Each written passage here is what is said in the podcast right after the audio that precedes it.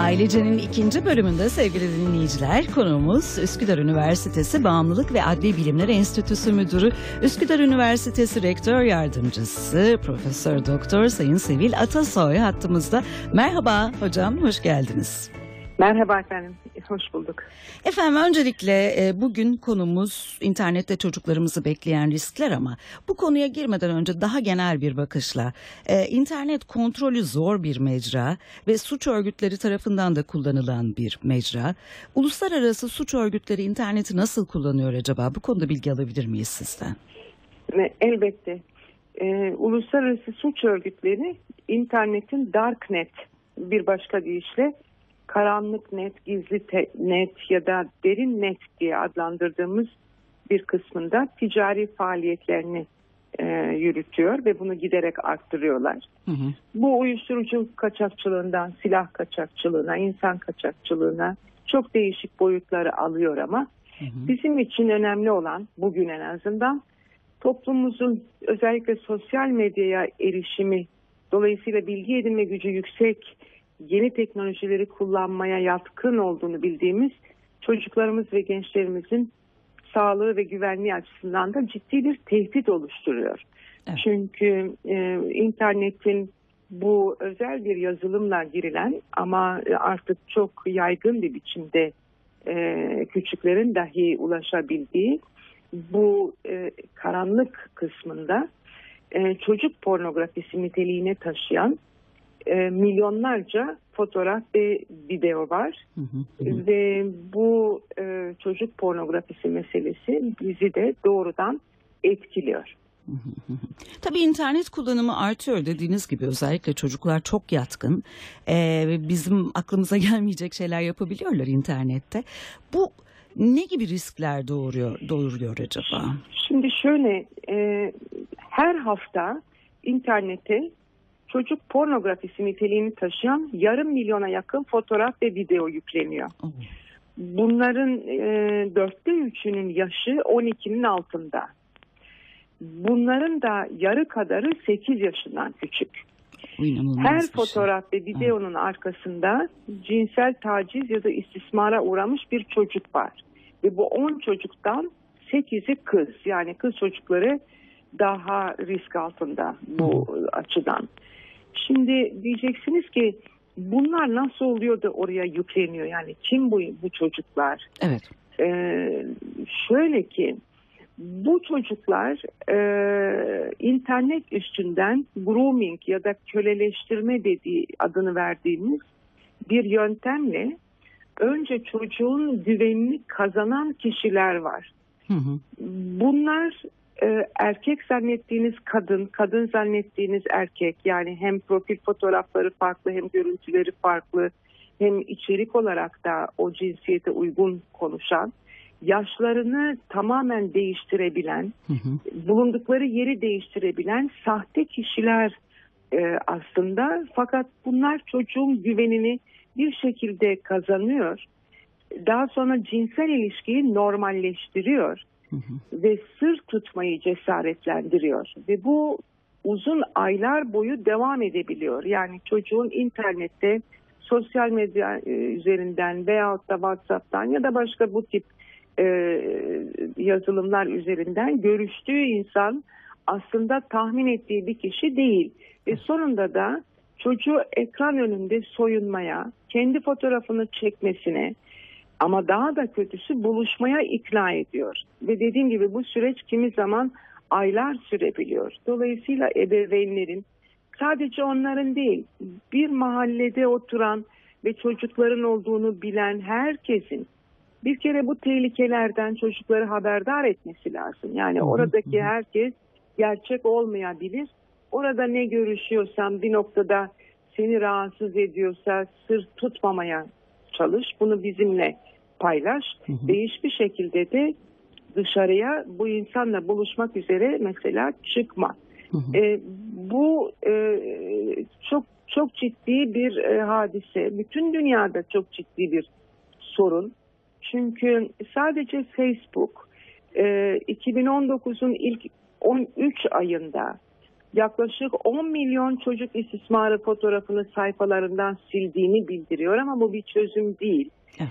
E, ve ne yazık ki bu içerikler yani bu fotoğraflar mesela bunların yüzde 18'i bir ebeveyn ya da bakıcı tarafından da çekiliyor. Yani Çok çok ailenin içerisinde de maalesef çocuklarını bu amaçla e, önce farkında olmadan sonra belki de para kazanmak amacıyla e, şey yapanlar var, paylaşanlar var. Bunların e, yüzde 25'i komşu ya da aile dostu tarafından. Kalanı demin söylediğim gibi yabancılar tarafından üretiliyor. Yani aslında tehlike e, hiç beklemediğimiz kadar çocuğun yakınında olabiliyor. Evet. Tabii çocuğu internetten tamamen uzak tutmak Hayır. mümkün değil Sayın Hocam. Yok. Yani Hayır. e, na- nasıl bir yöntem uygulamalı Tabii ki değil. aileler? Tabii ki değil. Yalnızca e, şimdi bir kere e, çocuklar kendilerine e, pek hoşlanmadıkları davranışlar gösterenlere karşı biraz çekingen olurlar. Ve e, önce bir yani aile yakınları konu komşudan yani ve onların istismarından biraz söz etmek gerekir. Hı hı. Bunlar e, ne yazık ki mesela e, kadınlarla ilgili yapılan araştırmalar var. Önemli bir bölümünün çocukken bir şekilde tacize uğradığını biliyoruz. Yani herkesin geçmişinde böyle bir şey var. Herkesin demesek bile önemli bir bölümünde bir taciz meselesi hep var. E, Benzer çok şekilde erkek çocuklar için de var. Şimdi bu e, bizim göz ardı ettiğimiz e, aynı ev içinde oturduğumuz bazen yaşlılar olabiliyor. Anneanneler, dedeler, nineler olabiliyor. Onlar çocukların rahatsız olduğu durumları daha çabuk fark eder. Çocuklar onlarla daha rahat konuşur. Hı hı. Dolayısıyla onlara aslında çocukların bu açıdan da izlenmesi e, sorumluluğunu vermemiz gerekir. Biz onlara pek o kadar aldırış etmiyoruz yaşlılara ama bütün gün evde olabiliyorlar mesela. Çocuğa bakan onlar oluyor. Evet. Ee, eve gelen giden e, işte komşuydu vesaire onları tanıyan bilen onlar oluyor. Çocuğun tek başına bir odaya birisine kapandığını fark eden onlar olabiliyor. Hı hı. İşte bu nedenle de e, önce bir kere bu aile içi ve a- aile yakınları tarafından olan e, taciz ve istismarları önlemek gerekiyor.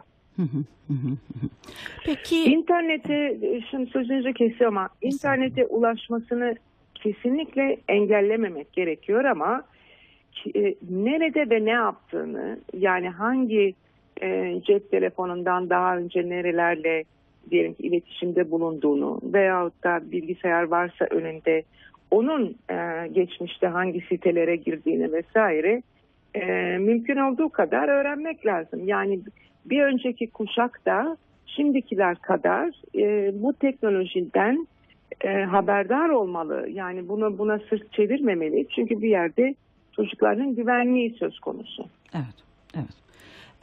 Efendim bir de kayıp çocuk konusu var. Bu konuda Evet. neler söyleyebilirsiniz bize? Şimdi öngörüldüğü yerde bulunmayan çocuğa kayıp diyoruz. Bu çok genel bir e, tarif. Hı hı, Şimdi kayıp çocukların büyük bölümü sağ salim eve döner.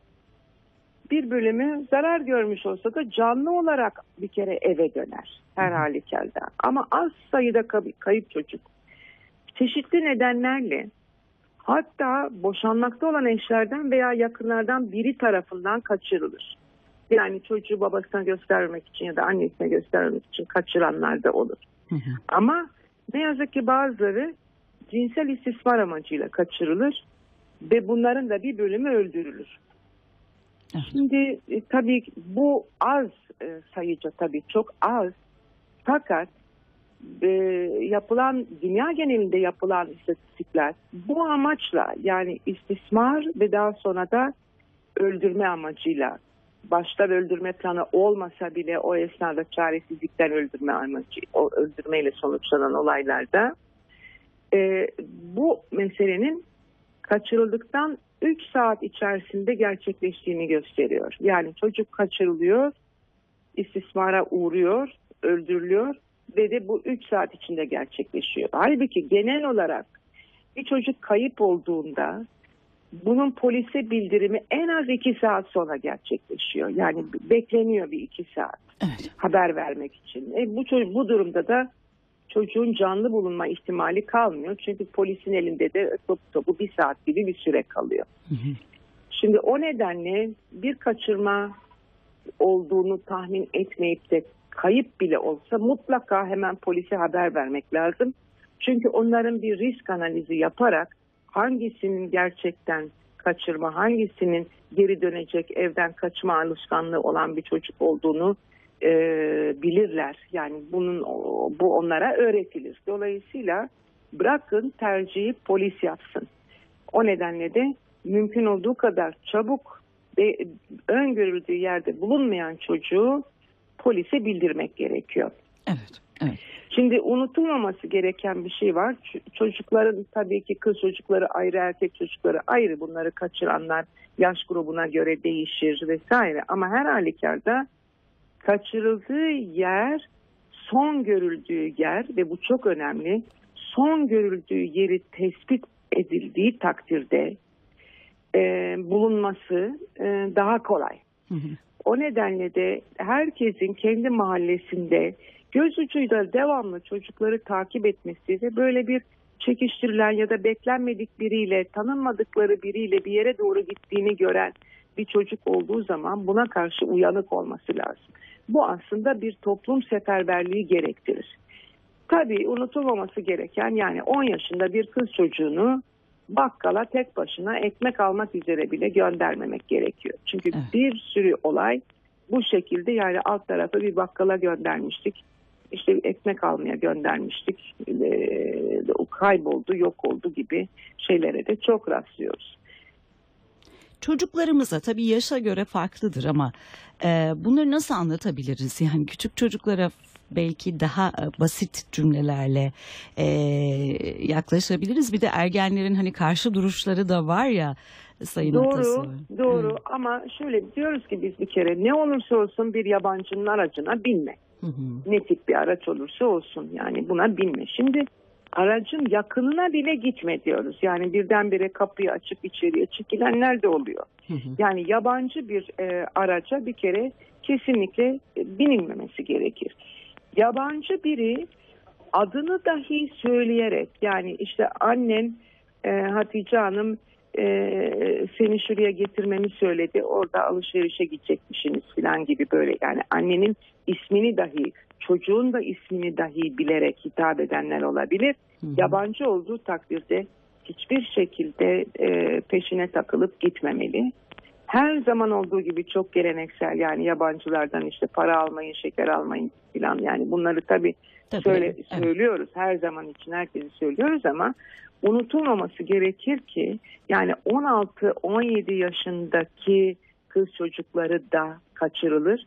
Bu işte 16-17 yaşında erkek çocuk da kaçırılır ve maalesef sonunda öldürülebilir. Yani bunların e, hepsi mümkün. Evet. Genel olarak bildiğimiz şu var. e, böyle sonu kötü bitecek olaylarda saldırganın genellikle işte e, 30 yaş civarı olduğu, e, bunların e, tek başına yaşadığı ya da ailesiyle yaşadığı. Tabii bunlar çok genellemeler ama yani böyle bir bir demografik bir şey de söylenebiliyor. Hı hı. E, yarı kadarının işsiz olduğu ya da işte e, fazla bilgi ve deneyim istemeyen bir işte çalıştığı yani yabancılardan bahsediyorum tabii. Hı hı. E, ve de o mahallede bir biçimde bulunma ihtimalinin olduğu yani işte diyelim ki e, bir seyyar satıcı olduğu e, ya da orada çalışan bir inşaat işçisi olduğu gibi bazı bilgilerimiz var ama bunların hiçbirisi tabii ki bütün vakalar için geçerli değil. Çok teşekkür ediyoruz. Ben efendim, teşekkür programımıza katıldığınız için iyi günler Ben teşekkür diliyoruz. ederim.